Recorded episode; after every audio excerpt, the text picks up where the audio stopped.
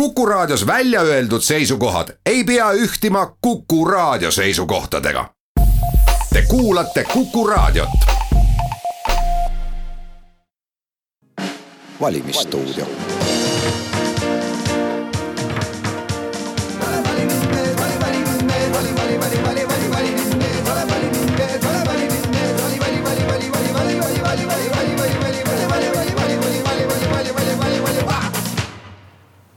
tere kuulama Kuku raadio Europarlamendi valimiste eelset väitlust number kaks. täna on stuudios kahe praeguse valitsuspartei Keskerakonna ja Isamaa kandidaadid. Yana Toom Keskerakonnast on veel teel siia stuudiosse, nii et ta liitub meiega saate ajal. aga minu vastas istub Riho Terras, Isamaa, tere päevast. tere päevast. Eesti poliitilisele kaardile astusite just Euroopa Parlamendi valimiste eel. miks just sellesse kogusse pääsemine teid kõnetas, huvitab? Varasemad riigikogu valimised mitte? No ma olen sügavalt veendunud, et Euroopa Parlamendis olemine on ka kõigile Eesti inimestele oluline, seda on raske inimestel mõista, sest see tundub kuskil kaugel Brüsselis toimuv tegevus. aga Isamaa on Euroopa Rahvapartei eh, liikmeerakond ja Euroopa Rahvapartei on kõige olulisem, suurem äh, fraktsioon Euroopa Parlamendis, kus tegelikult määratakse väga palju Euroopa suundasid. Ja seetõttu ma nõustusin Isamaa ettepanekuga tulla neile nii-öelda toetuseks äh, selle mandaadi saamiseks Isamaale Euroopa Parlamenti. Teie kui ekssõjaväelane lähete kogusse, mis sõjaliste teemadega ei tegele, kas peaks? ma usun, et äh, Euroopa Liit ja ka Euroopa Parlament äh, peaks kontsentreeruma sellele, milleks ta loodud on. Äh, majandusliku äh, jõukuse edasiarendamisele, mis on edukalt Euroopa terase ja sööühendusest peale toiminud ja rahu tagamisel ja rahu on kindlasti üks faktor, mis on seotud otseselt julgeolekuga. küll mitte, ma ei arva, et Euroopa Liit peaks tegelema otseselt sõjalise julgeoleku teemadega. see on ja jääb NATO päris pärusmaaks aga on teemasid, millelt peab Euroopa Liit kaasa rääkima ja täna on ta seda, äh, seda tegemas, mis puudub näiteks piir, Euroopa välispiiride kaitset. Aga ka seda, et Euroopa magas maha suured kriisid Araabia maades ja ootamatult kõigile Euroopa riikidele oli järsku meeletu migratsioonikriis. kui Euroopa oleks aktiivset rolli mänginud juba selle kriisi ajal ja eel siis oleks ilmselt ka jäänud see suur eh, kriis eh, ja massilised pagulased Euroopasse tulemata. me saame migratsiooni teemal ilmselt rääkida siis, kui Yana Toom meiega liigub, liitub pikemalt, kuid jätkame sõjalistel teemadel. ei ole välistatud, et just Euroopa Parlamendi järgmise koosseisu ametiajal võib tõusta ka selline küsimus, et USA hakkab väitma Euroopale, et te peate ise oma kaitsega enam tegelema, meie NATO liitlusesse enam nii palju panustada ei soovi kui seni, sest et see on Ameerikale väga kulukas tegevus. ja siis peab Euroopa ikkagi hakkama tõsisemalt arutama seda, kas on vaja rajada oma mingisugused sõjalised üksused, sõjaline võimekus. kas te arvate, et midagi sellist võiks olla kaartides? esiteks, see on puhas spekulatsioon, selle Ameerika vähem, vähene roll, et Ameerika on tõstnud oluliselt kulutus, sõjalisi kulutusi Euroopa julgeolekusse. asi, mida aga eh, president Trump väga intensiivselt ja väga kõnekalt nõuab, on, et ka Euroopa riigid võrdselt panustaksid. Ja see on ka saavutanud, see tema poliitika on saavutanud ka edu ja Euroopa riikides on kõikides ka tõstetud äh, neid äh, Euroopa riikides, kes kuuluvad NATO-sse, on kõikides ka tõstetud äh, kulutusi riigikaitsele. kas te arvate, et see on Donald Trumpi teene ja, ja suur edu, mida ta ise väidab? see on kindlasti äh, Donald Trumpi teene äh, sellel määral, et sellise intensiivsusega ei ole keegi seda öelnud, kuigi ka eelnevad Ameerika presidendid on just sellel teemal väga oluliselt noh, nagu sõna võtnud, aga sellist intensiivset dialoogi ei ole olnud. aga Euroopa armeed kui sellist ei ole, nagu ei ole ka NATO armeed armeed ehk Euroopas on need üksused olemas, nad on täna eh, NATO riikide üksused ja, ja, ja tulevikus ka jääb NATO Euroopa julgeoleku põhialuseks. nii, nüüd on meiega liitunud ka Yana Toom, tere päevast. tere, päevast, ma väga vabandan, et jah keskpäevasel ajal juhtub kõike, aga me oleme juba siin debatiga arutanud, alustanud, rääkisime pisut Euroopa kaitseteemadel, aga läheme nüüd siis konkreetselt Europarlamendi valimiste eelsete küsimuste juurde. Yana Toom, te olete öelnud, et need valimised on kõige äh, demokraatlikumad valimised, mis Eestis toimuvad. on see nii ja miks? no sellepärast, et äh, valituks osutuvad täpselt need inimesed, kes saavad rohkem hääli. ei ole mingit nimekirja, avatud nimekirjad, ühesõnaga on selle asja nimi. ja kui sa oled seitsmendal kohal ja saad kõige rohkema häälte saagi, siis sa oledki sees. ja see on igati tore. aga siin tekib küsimus, miks siis on vaja parteisid, võiksid ju kandideerida kõik üksikkandidaatidena, kes saavad rohkem hääli, need lähevad no sest see partei ikkagi kogub hääli, see nimekiri ikkagi saab rohkem hääli, see on selge. et äh, igaüks, kes seal on, isegi oma saja häälega on ikka abiks. mida teie arvate? ma usun, et see demokraatia jutt on küll õige, et täpselt nii see on. ma usun, et parteid on selle jaoks vajalikud, et ikkagi oleks inimestel selgelt aru saada, millist ideoloogiat üks või teine kandidaat esindab. Aga kahjuks viimasel, viimastel aastatel on, on see ideoloogiline vahe väga väikseks läinud ja selle tõttu on tekkinud äärtesse äärtesse palju ruumi vasak- ja parempopulismile, nii et, et kui, kui põhiliini parteid ajaksid oma asja, sotsid sotside asja, konservatiivid konservatiivide asja ja liberaalid liberaalide asja, siis oleks inimestel lihtsam otsustada ja nad ei peaks otsima endale muid lahendusi. kellega teie siis äh, konservatiivide äh, vahekorrad on kõige rohkem lähenenud, ütleme niimoodi, kes ka ajavad sama asja peaaegu juba nagu teie ei no selles mõttes, et eh, Isamaa eelnevatel aastatel on püüdnud mingisuguseid selliseid sotsiaalpoliitilisi teemasid puudutada, mis võib-olla ei olnud õige. tuleb jääda selgelt arusaadavalt konservatiivsele lainele hoiame seda, mis on hästi ja ärme torma kaasa kõige, kõige uute asjadega. võtame uutest asjadest ainult kõige kvaliteetsemad. näiteks digiriik, mis on ennast tõestanud, see on asi, mida ka Isamaa tahab ajada kas Eestis või Euroopas Yana Toom, teie puhul, teie fraktsiooni puhul on pilt veelgi segasem, te olete ühes fraktsioonis Reformierakonnaga, me kõik teame Aldes siin pole midagi segast, me oleme mõlemad liberaalid. jah, aga Nemad..., aga samal ajal te olete valitsuses praegu, teie partei on Reformierakond ei ole, te olete ikkagi siin Eesti poliitilisel kaardil rivaalid ja erimeelsusel olevad parteid need on sisepoliitilised erimeelsused tegelikult, Reformierakond on majandusliberaalid, meie oleme pigem sotsiaalliberaalid, ehk siis me usume, et iga inimene väärib võrdset kohtlemist. mida Reformierakond tundub väga ei usu. kui me vaatame seda kodakondsuspoliitikat ja muid huvitavaid asju, mis siin kõike tehtud on kahekümne viie aasta jooksul. aga tegelikult me saame väga hästi läbi seal ja öö, äh, olgem ausad, kõik kuus Eesti eurosaadikut teevad väga tõhusalt omavahel koostööd. ja meie konfliktid jäävadki siia koju, sest kui me hakkame seal omavahel nagu kaklema, siis me mitte midagi ei saavuta. Äh, lihtsalt meid on niivõrd vähe. ja kui me vaatame ka hääletusi, siis äh, Urmas Paediga, kes on nii-öelda traditsiooniline Yana Toomi mingisugune vastand Eesti meedias. meil hääletuste vahe on neli protsenti Need on küll tõsi, minu jaoks väga olulised asjad nagu Vene vastased sanktsioonid või ma ei tea, mittekodanikud või no need kohalikud nii-öelda asjad, kus me kakleme.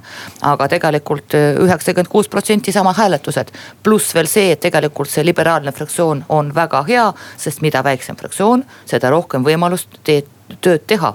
sest lihtsalt äh, suurtes nagu IPP, kuhu ilmselt suundub härra Terras edu teile valimistel. ta peab seisma järjekorras, et saada mingisuguse manda endale raporti. meil seda õnneks ei ole, meid on niivõrd vähe nii, kui te olete ületanud siis need Eesti valimiseelsed vaidlused ja väitlused, kus erimeelsusi rõhutatakse ja saate mõlemad Europarlamenti, ütleme, et nii see kõik toimub, siis teie vahel hakkab ka koostöö toimuma härra no, Teras? mina arvan, et põhimõttelistes küsimustes ei saa kompromisse teha ja, ja üks nendest on suhtumine Venemaasse küsimus, kas Krimm on okupeeritud või ei ole, peaks olema selgelt vastatud. seda ma täna ei ole kuulnud. kas Eesti oli okupeeritud või see oli lihtsalt värviline, värviline revolutsioon nagu Äh, minu oponent on seda maininud. kui nendes küsimustes lähevad asjad äh, lahku, siis koostöö on keeruline, täpselt nagu ka selle teemal, kas Venemaa vastased sanktsioonid on mõistlikud või mitte. väidan veendunult, et Venemaa vastased sanktsioonid on õiged, neid tuleb suurendada ja neid sanktsioone tuleb ka äh, tuleb ka hoida ja seda rinnet tuleb hoida, sest nad mõjuvad ja, ja mõjuvad äh, täpselt nii, nagu nad on ette nähtud mõjuma ja kui, kui seal on eriarvamused, siis ma ei, ma ei koostöövõimalusi näen küll üsna vähe Yana Toom, ongi juba eriarvamused siis laual? ei no see on tegelikult väga selline äh, see oli, see sõnavõtt on tingitud Eesti poliitilisest kultuurist. kus meil on kombeks sõita opositsioonist teerulliga üle ja üldse nagu mitte jutule võtta. Äh, ma usun, et. Te olete ruttu, mõlemad praegu ju valitsuses. et üsna ruttu, okei okay,, valitsuses, mind õnneks ei ole selles valitsuses ja ma olen selle koalitsiooni vastu, aga see selleks.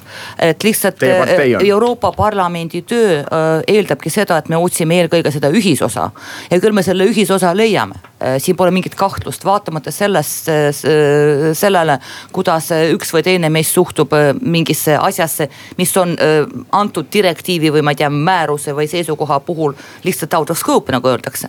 et kui me hakkame rääkima, ma ei tea, sotsiaalsest ebavõrdsusest või internetivabadusest või ma ei tea, lähetatud töötajate direktiivist, milles iganes. me ei too sinna iga kord sisse, ma ei tea, Putinit, Krimmi, Assaadi, mida iganes.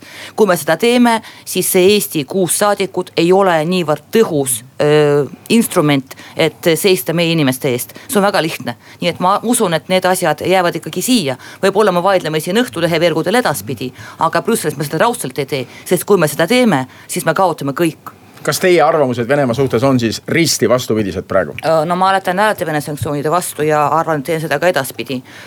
kas ja, Krimm on okupeeritud või ei ole? Krimm de jure kuulub Ukrainale, de facto Venemaale, nii on. hakkame võib-olla ka Küprost praegu arutama. ei hakka küsima konkreetse küsimuse, tahaks ma konkreetset vastust saada, kas Krimm on okupeeritud Venemaa või ei ole? rikkus rahvusvahelisi õigusi, see vastab tõele, aga hetkel äh, Krimm kuulub Venemaale ja me peame kuidagi kuidagi eh, selles reaalsuses edasi elama ma ei tea, kas ma sain vastuse. nii kui te lähete Brüsselisse ja Strasbourgi, alustate seal tööd ja siiski hakkate ühisosa otsima, siis üks loosung on kindlasti Eesti eest. Yana Toom, millal te viimast korda, kas mõttes või siis lausa väljaöelduna läksite poliitikuna võitlema loosungi all Eesti eest? Ma teen seda viis aastat Euroopa Parlamendis. viimane kord, ma arvan, see oli see hetk, kus me üritasime veenda oma kolleege mitte toetama niinimetatud, mis ta nüüd on, liikuvuspaketti, mobility package. sest tegelikult see see võitlus, mis näeb välja nagu mingisugune hoolitsus meie rekkajuhtide eest, kes peavad saama parimad tingimused, kõrgemad palgad ja see kõik, kõik, kõik, kõik, mis sinna tuleb. tegelikult see on rikkamate liikmesriikide lobi, et lahti saada sellest idamaisest, ida, ida, Ida-Euroopa odavast tööjõust. see on väga selge sisemine konkurents. Me üritasime olla seal selle vastu koos kõikide Eesti saadikutega. nii et me teeme seal päris tõhusalt koostööd ja ütlen veel kord ja seda saab väga kergesti näha ka Euroopa Parlamendi lehekülge, leheküljel, kus vaadata lihtsalt, kuidas me hääletame. Riho Terras, Eesti eest loosung jääb teile Europarlamendis ilmselt, kui sinna pääsete, väga oluliseks. absoluutselt ja ja siin olen, saategi koostööd teha. kakskümmend kaheksa aastat selle, selle eest seisnud ja Eesti eest ka ka oma kaitseväelased truudustõotuse andnud ja, ja see on siduv ja, ja Eesti eest, just nimelt Eesti eest ehk et ka rahvusriigi kui Eesti eest tahan ma seista ja seista kõigi võimalike vahenditega selle vastu. et Euroopas on väga palju just nimelt seal ALDE ja, ja teistest fraktsioonidest äh, äh, räägi-, räägitakse sellest Euroopa föderalismist, föderaliseerimise ideest, ühistest, ühistest majanduslikest otsustest ja nii nii edasi. eriti, mis puudutab maksupoliitikat, siis selle vastu ma kavatsen äh, väga selgelt seista, ükskõik, kas siis koos Yana Toomiga või mitte kui me räägime Euroopa Liidust, siis on huvitav kuulda teie seisukohta, kas see on selline projekt, mille kallal Euroopa praegu töötab, et oleks Euroopa Liit ühtne Euroopa või on see juba midagi alalist? Äh, ma arvan, et äh, see on ikka projekt, mille kallal me töötame aga see peab jääma alaliseks, tegelikult seda oma suurt, kõige nagu paremat ja kõige nagu uhkemat eesmärki see täidab edukalt. Euro siis, Euroopas ei Euroopas ole, ei rahu. ole, Euroopas on rahu, tegelikult kui me vaatame, kuidas see kõik juhtus. ainult viis aastat peale teise maailmasõja lõppu, viis aastat. kõik on veel vaenlased, kõik on veel nii värske. ikka loovutatakse oma, oma osa oma iseseisvusest sisuliselt. Prantsusmaa võitjariik annab nagu nii-öelda näpu Saksamaale, ütleb, et vot teeme nüüd koos ja see töötab päriselt ja see on nagu väga äge aga mis puudutab kõiki neid jutte, mina olen näiteks veendunud föderalist. minu koduerakond paraku ei ole ja miks ma seda olen? väga lihtne, meil on ühtne valuuta, euro, aga meil pole üht mingisugust isegi maksuraamistikku. igaüks maksustab nii nagu jumal juhatab, siis tuleb keegi Trump ütleb, ma, ma hakkan Iraanis sanktsioneerima Euroopa ettevõtjaid. ega selge see, et ta saab meid sanktsioneerida ainult seal, kus me arveldame dollarites. kui me tahame olla päriselt iseseisev, me peame tugevdama eurot ja ilma selle ühtse maksuraamistik, see pole lihtsalt tehtav. ja nii edasi ja nii edasi, me tahame saada lahti sotsiaalsest ebavõrdsusest Euroopa Liidus, meie inimesed unistavad Euroopa pensionist, Euroopa miinimumpalgast ja nii edasi. aga meil on subsidiaarsuse põhimõte, mis tähendab seda, et sotsiaalpoliitika iga riik otsustab ise ja need on asjad, kus oleks vaja rohkem koostööd. ja see pole sugugi mingisugune suveräänsuse äraandmine, see on lihtsalt tõhusam koostöö, sest vaadake, mis meil toimub. meil keskeltläbi, miks on nii raske jõuda meie inimesteni, sest me võtame vastu otsuse aastal kaks tuhat kuus, aga kätte see nagu öö, tulemus jõuab kümme, üksteist aastat hiljem, nagu juhtus rändustasudega ja see ongi probleem. Riho Terras, kas Euroopa Liit kui projekt või kui alaline? eks Euroopa Liit on, on alaline rahvusriikide liit ja majanduslikult peab Euroopa Eest, Eestit sama palju kui kõiki oma liikmesriike esindama nii-öelda selles suures, suures globaalmajanduses, aga, aga igasugune jutt ühtlustatud või ühisest maksusüsteemist äh, ei, ei kõla küll sellisena, nagu see Eestile, et see Eestile kasulik, kasulik oleks, see tähendab seda, et kui me tõstame, ütleme kui me teeme ühtse miinimumpalga, siis ei ole ju nii, et Eesti miinimumpalk seal saab määravaks, vaid see läheb ikka kõrgemaks, see tähendab seda, et kuskilt tuleb see kinni maksta. ja, ja selle maksab kinni eh, siis seesama eh, tööandja nii-öelda. ja, ja lõpuks kokkuvõtteks leiab ta selle raha siis ka toodetelt ja siis maksavad inimesed selle kõik kinni, et ega siis raha hulk on ikka üks ja seesama. ja, ja juttu sellest, kuidas, kuidas me peaksime kõiki sotsiaalprobleeme lahendama kõikides riikides ühiselt, kus tegelikult probleemid on väga erinevad ei, ei maksa küll ajada, nii et äh, ma olen absoluutselt veendunud sellise föderalismi vastane küll, aga ma arvan, et Euroopa Liit sellisena, nagu ta loodi jõukuse ja rahu nimel. Äh, millist, äh, mille just, just nimelt Euroopa kristlikud demokraadid Saksamaalt ja Prantsusmaalt kokku leppisid. et neid asju tuleb igal juhul hoida. Yana Toomi vastulause. ma arvan, et no ma olen osaliselt nõus, osaliselt mitte, sest vaadake, see sotsiaalne ebavõrdsus, me võime muidugi rääkida, et see on igaühe liikmesriigi probleem. meile see tähendab seda, et meie inimesed inimesed lähevad välismaale tööle. meile see tähendab sotsiaalset dempingut näiteks ukrainlaste näol ja nii edasi. ja samas, kus, kuidas tekkis Brexit, kõik mäletame seda kampaaniat Polish plumber go home. Poola santehnik, mine koju. Poola santehnik pole tegelikult santehnik. Poola santehnik on üks meesterahvas idaeurooplane, kellel kasvavad käed õiges kohas ja kes on nende kätega võimeline tööd tegema ja saab selle, sellest vähe raha, väga lihtne. ja siit tuleb see nagu, siit tuleb see turbulents Euroopa Liidus, mis ei ole üldse hea ja tegelikult see pole üldse üldse õige, et mingisugune miinimumpalk saab olema mingi X summa igas liikmesriigis. me võtsime vastu sotsiaalõiguste samba, mis on kohustuslik kõikidele liikmesriikidele. nii et selles mõttes, härra Terras, äh, teie rong on natuke juba läinud ja IPP hääletas selle poolt, kusjuures teie fraktsioon, kuhu te lähete. ja see tähendab seda, et miinimumpalk peab olema kuuskümmend protsenti mediaanpalgast. See, see on see eesmärk, ta on erinev liikmesriikides, aga sellegipoolest kuuskümmend protsenti mediaanist minutiline vastus härra Teraselt. keegi peab selle kõik ju ikkagi kokkuvõtteks äh, kinni maksma ja, ja selline ümberjagamise soov on ikkagi väga-väga selgelt äh, konservatiivse maailmavaate vastu. majanduslikult tuleb asju ajada niimoodi, et kõigepealt tuleb raha tekitada ja siis seda jagada ja see jääb igal juhul igale liikmesriigile otsustada. mis puutub tööjõu vaba liikumisse, siis ka mina olen vastu sellele, et kolmandate riik, kolmandate riikide tööjõu rent toimub. me peame peame hoidma ära kõik selle, et, et needsamad ukrainlased või kust iganes nad pärit on, siin Eestis odava, odavalt in, töö, tööturul äh, tegutsevad. et, et võt, võttes ära töökohad just nimelt nendelt inimestelt, kes, kes tegelikult äh, saaksid võib-olla kõrgema palgaga, jääksid Eestisse ja ei läheks minema. nii et äh, see on kõik kahe otsaga asi. jätame selle mõtte nüüd siin õhku, me jätkame sel samal lainepikkusel mõne hetke pärast. nüüd teeme väikese pausi ja siis on taas valimisstuudio teie eetris tagasi. valimisstuudio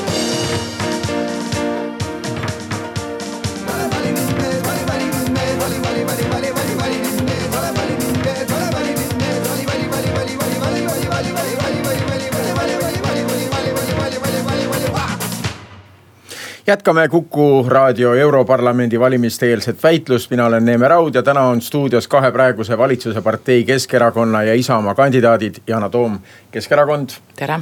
ja Riho Terras, Isamaa. tere jälle Yana Toom, te rõhutasite, et teie vaated äh, Keskerakonnaga siin Eestis praegu ja valitsuses oleva partei äh, esindajaskonnaga ei lähe alati äh, kokku praegusel hetkel. kas siin ei ole sellist huvitavat vastuolu, et te lähete Euroopas esindama seda parteid, millega te siin kodus praktiliselt ei nõustu või, või kõiges ei nõustu? ei, ma muidugi nõustun oma parteiga suuremas osas, aga lihtsalt mulle ei meeldi see koalitsioonipartner ja no lihtsalt nii on ja ma olen suur Euroopa Liidu fänn ja ma leian, et see on üks parimaid asju, mis on Eestiga juhtunud viimastel aastakümnetel, aga EKRE paraku nii ei arva. Nii et äh, väga lihtne, äh, ma, nii et ma eelistan jääda oma liistude juurde ja kui jumal annab ja valija toetab, siis ikka Europarlamendis ja ajada seda asja, mida ma pean õigeks äh, nii et ma ei peaks kogu aeg vaatama ja kuulama, mida seal need inimesed kaubadega ka räägivad. et kliima soojenemine on väljamõeldis ja nii edasi, see mulle nagu väga ei sobi. aga teie lähete sinna esindama ikkagi Keskerakonna filosoofiat? Äh, ma lähen sinna esindama Keskerakonna maailmavaadet ja oma valijaid ja tegelikult mind natuke häirib, kui räägitakse, et te lähete esindama Eesti riiki. Eesti riiki esindavad diplomaadid ja ametnikud äh, parlamendiliikmed ikkagi esindavad eelkõige oma valijaid. Riho Teras, teie olete kindla Euroopa perekonna, kindla partei liige, lähete kindlalt esindama Isamaa filosoofiat. jah. mida see tähendab? Ehm, veel kord, eh, Euroopas on niigi palju sellist eh, tormi ja, ja rahutusi. Eh, oluline on taastada Euroopa inimeste turvatunne ja kindlustunne. viimaste aastate arengud, olgu see Kreeka majanduskriis või üldse majanduskriis ja Kreekaga seonduv või, või äh, pagulaskriis on seda turvatunnet kõvasti lagundanud. Äh, nagu ma ütlesin, me peaksime kuidagi aja maha võtma, rahulikult vaatama, mida Euroopa on teinud, millised asjad on Euroopas vastu võetud.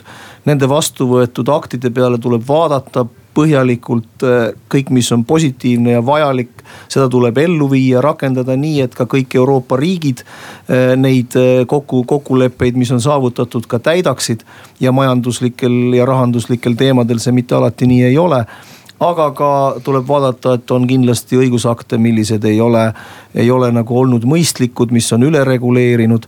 Ehm, Euroopa Rahvapartei on otsustanud, et eh, kui valimised eh, võidetakse, siis tuhat sellist õigusakti eh, tuleb nii-öelda annuleerida sellise maailmavaate eest äh, tuleb seista. teeme rahulikult, konservatiivselt asju, vaatame, mis maailmas on uued asjad, kuhu on mõistlik investeerida.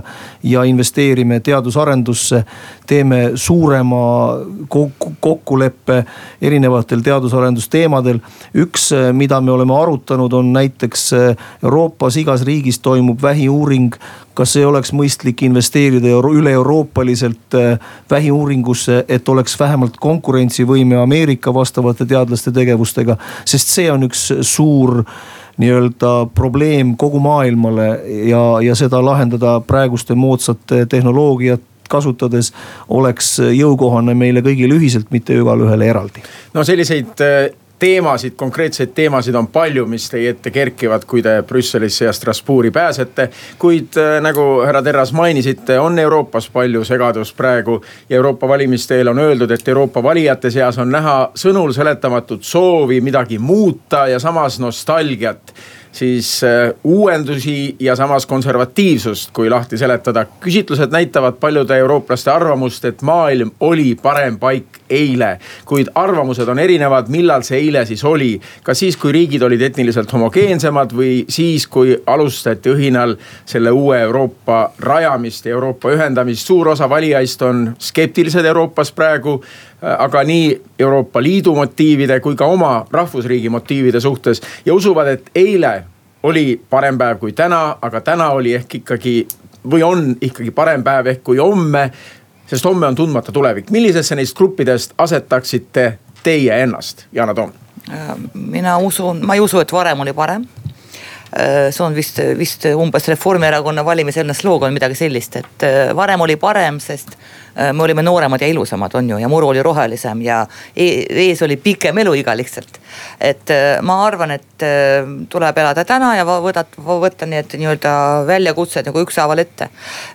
nii et ja tegelikult kõik uuringud näitavad ka seda et kõige Euroopa-meelsemad on just noored inimesed. ja need noored inimesed, kui me vaatame näiteks Eesti, Eesti valijaid või üldse nagu Ida-Euroopa valijaid. siis nooremad ongi palju skeptilisemad selles mõttes, et nad ei usu igat asja, mida nad kuulevad kohtumistel. Nad alati kontrollivad üle, see on nagu lust ja lillepidu esineda noor, noores auditooriumis. sest ta kohe guugeldab ja kohe vaatab, et ahah, kas sa ikka ütlesid õige protsendi välja. kuidas sa hääletasid varem, nad on palju tähel-, nad on palju küpsemad, ma ütleks selles nagu demokraatia mõistes. nii et ma usun, et see tulevik on päris päris, päris nagu äge Euroopa Liidul. ja äh, ega siin Brexit tuli ka kasuks ausalt öeldes. Äh, kõlab võib-olla väga küüniliselt, aga see viis selleni, et praegu Euroopa Liit on palju ühtsem, kui ta oli kolm aastat tagasi, sest me kõik näeme, millise katastroofini võib see viia. sest kõige suurem kaotaja Brexitis kahtlemata on Suurbritannia härra Terras, kas eile või täna või homme, see küsimus ka teile, konservatiivne maailmavaade nagu peaks eeldama, et, et eile oli siiski see õitsev aeg, mille juurde tahaks tagasi pöörduda või jääda selle juurde? eks äh, meie juured on need, mis meid ikkagi hoiavad ja vähem kõigutavad ja, ja see eile, mis, äh, mille aluseks olidki siis Euroopa kristlikud demokraadid ehk see rahulik ja jõukas Euroopa on see, mille nimel ka ilmselt noored inimesed on nõus äh, pühenduma. nii et äh, ja, ja kõik need suured tormid on ikkagi Euroopas eelmisel sajandil on iga paarikümne aasta tagant olnud selline kriisiolukord, esimene maailmasõda, siis vähe rahulikum aeg, majanduskriis, teine maailmasõda ei läinud palju mööda, kui, kui Saksamaal, Prantsusmaal ja üle Euroopa olid tänavatel äh, nii-öelda parlamendivälised opositsioonid äh, seitsmekümnendate alguses, kuuekümnendate lõpus siis toimus müüri langemine Euroopa südames, algas sõda, kus tapeti sadu tuhandeid inimesi ja vaadati pealt et me oleme lihtsalt järgmises sellises faasis, kus. et kus, praegu oleme kriisis. kus tuleb nii-öelda rahulikult üle saada, püüdes äh, ehitada nendele väärtustele, vanadele väärtustele, äh, mille, milles, mis see Euroopa idee, äh, kas siis Euroopa loomise, Euroopa Liidu esimeste nii-öelda organisatsioon, organisatsioonilise loomise juures oli. või üldse Euroopa põhiline väärtusruum, mis on tegelikult pärit kristlikust maailmavaatest ja Prantsuse revolutsioonist. kas praegu oleme kriisis siis? Ja ma arvan, et. milles see väljendub? aga see kriis ei ole, kriis ei ole veel selline ekstreemne kriis, mis võiks nagu lagundada, vaid et inimesed otsivad uusi ja muid asju. et minu arust võiks, võiks rahulikumaks kõik see, kõik see maailma toimetamine minna ja see ei ole mingisugune Eesti eripära, mujal maailmas on samasugused Äh, tendentsid äh, ja kindlasti on, on suur globaalsed protsessid, kus Euroopa peab rohkem kaasa rääkima. Euroopa ei saa olla pealtvaataja, Euroopa suured riigid ei ole aru saanud sellest, et nad ei ole enam impeeriumid vanasti prantsus, prantslased või britid äh, juhtisid maailma. täna on nii, et Euroopa ainult kõik riigid, kõik need riigid koos Euroopas see viissada miljonit elanikku suudab reaalselt mõjutada ka maailma protsesse ja kui me omavahel vaidleme, siis neid protsesse mõjutada ei saa. Hiina kerkimine, ameeriklaste teistsugune maailmavaade täna, kui ta oli veel paar aastat tagasi selle kõigega tuleb tegeleda, aga me peame enne kodus oma, oma, omavahel kokku leppima ja seda on üha, üha raskem saavutada kas me oleme kriisis, Yana Toom? oleme Euroopa. jah, oleme jah, aga ma usun, see on ületatav. milles siin, see väljendub? no vaadake, meil on põgenikekriis, mis praegu on justkui vaibumas, meil on saabunud mingi üle kahe korra vähem põgenikke eelmine aasta kui paar aastat enne seda, aga mille hinnaga me selle, selle nagu sellest lahti saime. see on see, et me maksame Erdoganile raha, ta hoiab piiri kinni. me maksame seal need piirilaagrid teisel pool ja nii edasi, ühesõnaga see kõik on nagu Need kõik on nagu meeletud pingutused, mida me teeme, aga kui pikaajaline see toime on, seda praegu keegi ei tea. aga selles, mida rääkis härra Terras, on ju tegelikult väga selge vastuolu. ühest küljest me oleme siis äh, rahvusriigid väga suveräänsed, iga, igaüks nagu isemoodi ja teisalt me peame kuidagi kollektiivselt tegutsema, et ja see ongi nagu see, mis, mis me tegelikult pidevalt all, alt veab, sest me otsime konsensust ja see konsensuse otsimine võtab meilt keskeltläbi kaks aastat. sellel ajal meist kihutavad mööda äh,, ma ei tea, Venemaa, Hiina, USA, kes iganes, kus see otsustus tegemise protsess on märksa lühem kui meil. nii et mida on vaja igal juhul meil tõhustada, Euroopa Liidus on muidugi ühine kaitse äh,, kaitsepoliitika, ühine välispoliitika. mitte nii, me peame olema palju proaktiivsemad ja, kiiremad. peame olema kiiremad muidugi ja kiiremad. Need on nagu peamised asjad, aga muidugi, kuidas see on praktilises võtmes nagu tehtav, seda keegi ei tea. sest kui me lähme lihtsalt hääletusele, no siis mis on Eesti hääl versus Saksamaa hääl, noh ja nii edasi et see on päris nagu raske ülesanne, aga see kahtlemata tuleb lahendada ja et föderaalses Euroopas oleme siis kõik Prantsuse presidendi juhtimise all ja kuulame, mida nemad teevad ja üldse kaasarääkimisõigust ei oma. ei, rahvusriigid saavad ka omavahel kokku leppida ja kui, kui on väga selgelt defineeritud, eh, mis eesmärk on ja väljaspoole Euroopat tegutsemisel nii majanduslikul kui julgeolekukaalutlustel on Euroopa riigid võimelised ja ka, ka immigratsioonikriis näitas eh, väga selgelt seda, et suudetakse kokku leppida isegi Euroopa ühises piirivalve loomises, kui selleks on akuutne vajadus vajadus ja julgeolek ära kaob. ma olin äh, sõjalises komitees äh, kahe tuhande üheteistkümnendal aastal esimest korda, kus julgeoleku teemadest üldse ei räägitud, terve Euroopa Liit ei rääkinud. Äh, kaheksa aastat ei olnud, ei olnud Euroopa Liidus üldse sel julgeolek teemaks ja siis ühel hetkel avastati, et kõik see toimub meie otsepiiride läheduses ja, ja laviinid tulevad sisse. täna on see teema, täna püütakse leida sealt ühiseid lahendusi. aga, aga seda tuleb kogu aeg teha, et ei oleks see nagu hoogtöö korras, vaid kogu aeg ole, peaks olema see teema arutusel, kogu aeg peaksid riigid võtma ühiseid otsuseid. ja näiteks ka energiapoliitikas, kus, kus Euroopa täna ei ole ühiselt äh, energiajulgeolekusse panustanud, on riike, kes on äh, Nord Stream kahe äh, poolt, on riike, kes on Nord Stream kahe vastu. sellist, selline lõhestamine ei ole, sellel ei ole tulevikku, ehk et peame rohkem kokku leppima nii, aga vahetame nüüd teemat. Eesti on väga Euroopa usku, näitavad kõik küsitlused.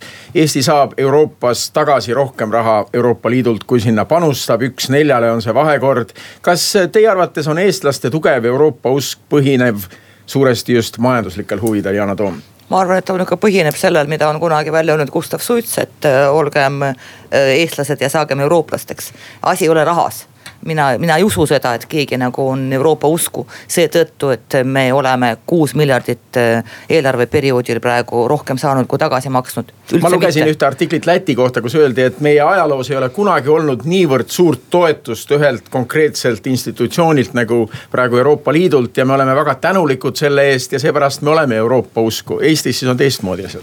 Ma tahaks loota, et on teistmoodi, sest kui sa hakkad lähtuma sellest, et äh, palju sa parasjagu raha saad, no siis tegelikult tegelikult ei saa öelda, et see toetus on kuidagimoodi siiras, on ju. siis on nagu, nagu ostetud. ei usu seda, ei usu, ma noh, kujutage ette, Eesti on nii väike riik. ma, mul oli mingisugune periood elus, kus mul polnud elamisluba. ma sisuliselt elasin illegaalselt mingi aastakese. ja mul tekkis täielik klaustrofoobia sest see ei ole nagu normaalne, kui sa ei saa nagu välja pääseda, me oleme väike tahaks nagu ikka seda avatud maailma, neid avatud piire, neid võimalusi. ja see kõik on nagu tänapäeval olemas, nii et ma usun, et see on ikkagi number üks ja raha ei ole siin kindlasti primaarne Riho Teras, eestlaste majanduslik huvi Euroopas. Majanduslik huvi kindlasti on ja, ja, ja selle eest tuleb ka seista, et need, et see majanduslik huvi saaks ka võrdsemat rakendust. on äh, väga selgelt ju äh, räägitud sellest, et põllumehed saavad vähem kui nende kolleegid Prantsusmaal, Saksamaal, seda on mõist-, seda, see on ka mõistetav, sest et nii Prantsusmaa kui Saksamaa maksavad rohkem sisse ja saavad vähem tagasi ja nad ei ole nõus siis maksma, kui nad oma raha tagasi ei saa. aga, aga sellise võrdsuse eest kasvõi põllumeeste käitlemisel, käsitlemisel peaks Eesti seisma. aga ma usun, et ei ole ainult ja ma nõustun siin Yana Toomiga, et ei ole ainult raha see, mis inimesi paneb Euroopat, Euroopasse uskuma. seesama piirideta, piirideta liikumisvõime, haridusvõimalused, äh, elamisvõimalused, ma ise olen ju palju aastaid äh, elanud. aga seda kõike ainult siis, kui sul on koht taga, koht, kuhu tagasi tulla et, et sa tahad koju nagu minu kolmeteistaastane poeg, kes väga viisakalt on nõus elama Hollandis. ja kunagi ei võta seda teemat ise üles, ega kui ta käest küsida, siis ta ütleb, et ma tahan kohe koju. elab äh, teie poeg Hollandis seetõttu, et teie abikaasa on seal Eesti riigi teenistuses? jah, abikaasa on Hollandis suursaadik ja, ja isegi ma olen, elan seal praegu. nii, aga kui suureks osaks teie töös saab ikkagi see, et need rahavood Euroopast Eestisse jätkuksid, Yana Toom? Äh, no vaadake, see on tegelikult üks selline väga vastik, vastik koht eestlastele, esiteks meil on väga vaja seda seitsmendat mandaati mis võib-olla tuleb, kui nad mis lõppude lõpuks. Brexitiga, Brexitiga jah, sest meil on kuus saadikut, kakskümmend kaks komisjoni, üksteist on eestlastel katmata ja lihtsalt ei ole võimalik seda kõike ära hoomata. kui me, kui me suudaksime kokku leppida peale valimisi, et jagaksime need komisjonid nii, et me ei dubleeriks neid, sest praegu näiteks väliskomisjon kaks inimest meil. ja kedagi pole kalanduses, kedagi pole transpordis ja nii edasi. see lihtsalt on raiskamine nii väikse nagu riigi puhul, nii väikse saadikugrupi puhul. nii et üks saadiku koht tegelikult tähendaks väga palju. absoluutselt ja seda ja ise, isegi siis, kui me lihtsalt lepiksime kokku, et me katame võimalikult laia selle spektrumi, sellest oleks juba kasu. nii et keegi praegu ei oska nagu öelda öelda, vot vaadake, kui sa pole eelarvekomisjonis, siis sa nagu otseselt neid rahalisi asju ei saa ju mõjutada. saad ainult kaudselt, nii et tuleb lihtsalt vaadata, kaardistada ära need Eesti vajadused ja leppida kokku, miks ma olen nii viisakas valimisdebattidel praegu. sest ma tean juba eelmise asja kogemust, kui sa põletad sillad ära siis enam kokku ei lepi ja seal on kaks-kolm nädalat kokku leppida, siis on kõik läinud siis igaüks istub nagu oma peenra peal, ajab oma asja. täpselt see, millest vaadake härra Teras alustas alguses, aga lõpus juba oli minuga minu, mingi minu lausega juba nõus. hakkas mingi tasapisi mingi ühis nagu pind tekkima, see on väga oluline Eesti delegatsiooni puhul, sest meil on nii vähe. nii et ma usun, et kõik seisavad nagu meil on tegelikult kõik, ma alati räägin kohtumistel valijatega, ei ole tark, aga tegelikult valikut ei ole, kas Paet või Toom, mõlemat on vaja nii, Yana Toomi vastusest kõlas läbi see, et tal on väga suured juba viie aastaga tekkinud kogemused Europarlamendis. ei ole väga ajamisel. suured, aga suuremad kui mu vastatel oponendil no, hetkel, nii et. juba tunduvad äh, päris suured, aga oponent on minemas alles, äh, kui ta valituks saab Euroopa Parlamenti. kui oluliseks see rahahoova teema kujuneks? Ma arvan, väga, väga oluliseks ja kindlasti eestlaste jaoks ka nähtavaks. üks asi on kindel, et see, mis Euroopa Parlamendis toimub, seda on oluline ka tuua Eesti inimesteni ja Yana Toom on siin minu arust oma valijate suhtes väga ausalt käitunud ja seda, seda infot ka võimalikult palju jaganud. mina olen just nimelt sellel teemal ka mõelnud küll jagades laskmata karunahka, et mis see komisjon võiks olla, kus mina saaksin panustada ja ma olen endale, endale sisendanud ja endale selgeks teinud, et see võib-olla ei peakski olema just nimelt see kaitse ja väliskomisjon, vaid pigem mingi komisjon, milles saaks täitsa Eesti maarahva huvide eest seista. maaelukomisjon oleks üks nendest, kus ma, ma ei tea, kas selline komisjon üldse olemas on, eks ju. põllumajandus on olemas. ja kui palju sinna ligi lastakse, aga sest seal on ka vist, ma saan aru, mingisugune vanuseprintsiip ja dedovšina, nagu seda vanal ajal öeldi. aga, aga, aga noh, eks ma püüan siis eh, ennast oma kõva häälega ja erineva keeleoskusega läbi lüüa. nii, aga kui vaatame nüüd seda mündi teist poolt, kui Eesti saab Euroopalt päris palju toetust, väga palju toetust, siis Euroopa võib vahel öelda ka, et me kohustame Eestit millekski Euroopa Liit ei ole Rootsi laud, kus me saame ainult valida, me peame ka võtma omale kohustusi, milleks võib Euroopa meid sundida? No meil on see kõik, kõik kirjas äh, Lissaboni lepingutes on, nagu ma mainisin, subsidiaarsuse põhimõte, mis tähendab, et äh, keegi ei saa meile öelda, kuidas jagada kodakondsust või mis keeles inimesi õpetada või no see, lihtsalt pole tehtav või millist palka maksta. nii et siin nagu mingit nagu alust hirmu tunda tegelikult ei ole. ja kõik muu ikka räägitakse läbi. see, kas me oleme head läbirääkijad, on omaette teema. sest olgem ausad, esialgu, kui me tulime, kümme uut liikmesriiki, ega keegi ei vaevanud ennast sellega, et näidata, kus on need veealused kivid. et teie, kallid eestlased, midagi ei kaotaks nagu. me oleme ikka kõik, olgem ausad, konkurendid omavahel. see ongi põhjus, miks me sööme kakskümmend, kaksteist kuud aastas need muru maitsega Hispaania kurke või te ei osta poest Horvaatia oliiviõli, kuigi ta on parem kui Kreeka oma, sest turg on jagatud. ja siis, kui me siseneme, sisen-, sisenesime, sisenesime, siis me võib-olla ei osanud nagu väga hästi läbi rääkida. nüüd me oleme selle kogemuse nagu omandanud, nii et tuleb nagu vaadata, eh, keda me valime, et nendel inimestel oleks ikka selgroogu ja ajusid ka. aga mida Euroopa võib meile konkreetselt kohustada, meil tekkis tunne, et noh, nüüd öeldakse meile, need immigrandid peavad tulema teile, punkt no meil on eelmisel aastal asüüli, asüüli saanud kuusteist inimest nii et mingit diktaadist pole tegelikult need, kes räägivad Brüsseli diktaadist, nad lihtsalt valetavad. sest fakt on see, et otsused võetakse vastu konsensusega Euroopa Liidus. nii lihtsalt on ja kui e, meie, keegi meie esindajatest räägib, et ta oli kuskil vastu Euroopa Liidu nõukogus. see reeglina ei vasta tõele, kui otsus oli vastu võetud, sest põhimõtteliselt tal peaks olema vetoõigus ja kui otsus on vastu võetud, siis tähendab, et vastu tema ei olnud. Liiho Teras, milleks Euroopa võib meid kohustada? Eks me peame väga tähelepanelikult ka ju jälgima ja ma arvan, et Euroopa Parlamendi roll ongi see, et jälgida ka seda, et komisjonis tehtud otsused või, või ka siis riigijuhtide poolt tehtud otsused et nad ei läheks vastu siis rahva, rahva arvamusele ja soovidele. et ei tekiks äh, harukordselt äh, rumalaid olukordi, kus me oma arust oleme võitnud midagi kätte, aga kaotame näiteks. Äh, Eesti jahimeestel on lubatud küttida hallüljest, küll aga ei ole õigust või luba seda liha ja nahka väärtustada, vääristada, eks ju, selliseid rum-, noh ja ükski jahimees ei lähe tapma selleks, et tappa. ja, ja selliste vigade ärahoidmine tähendab seda, et peab kogu aeg jälgima kõiki protsesse asja, mis Euroopa Liidus toimuvad. ja, ja siis silmad lahti ja ma arvan, et me võiksime. aga me peame ikkagi mõelda... arvestama, et Euroopa võib meid kohustada. no ta võib ainult teatud tingimustel kohustada, eks ju. ei, me, me peame, peame lihtsalt olla... märkama neid asju. me peame märkama, millega ta meid kohustab ja siis kõigel ajal näpu püsti tõstma, ütlema, et see küll ei lähe mitte. ja seal me võiksime töötada koos ka väiksemate riikidega, näiteks Balti riikidega ühiselt nii et Jõus. näete, jõuamegi arutelu lõpuks väga ühiste teemadeni, aga meil on jäänud veel pool minutit. küsin nii nagu eilse väitluse lõpetuseks. kui me räägime, kui te räägite Euroopast, siis millise pildi te tahaksite, et kuulajad selle saatetunni lõpus jätaksid oma silme ette, kui te Euroopast kõnelete, kui nad Euroopast mõtlevad? väga lühidalt, Yana Toom, mis pilt see on, mis on see tänane Euroopa teie silme ees? noh, ma ütleks teate, I have a dream avatud, liberaalne äh, sõnavabadus. Ja tegelikult, mis on, mis on peamine, et ei peaks olema tabuteemasid.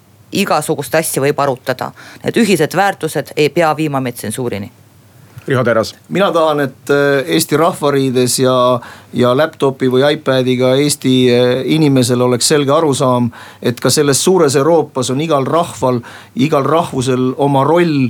ja, ja ne, ainult need rahvad koos otsustavad Euroopa ühiste asjade üle, mitte mingisugused äh, defineerimatu komisjonid kusagil kaugel Brüsselis. stuudios olid Euroopa Parlamendi kandidaadid Yana Toom Keskerakonnast ja Riho Terras Isamaast. juttu juhtis Neeme Raud, kuulmiseni Kuku raadio lainel. valimisstuudio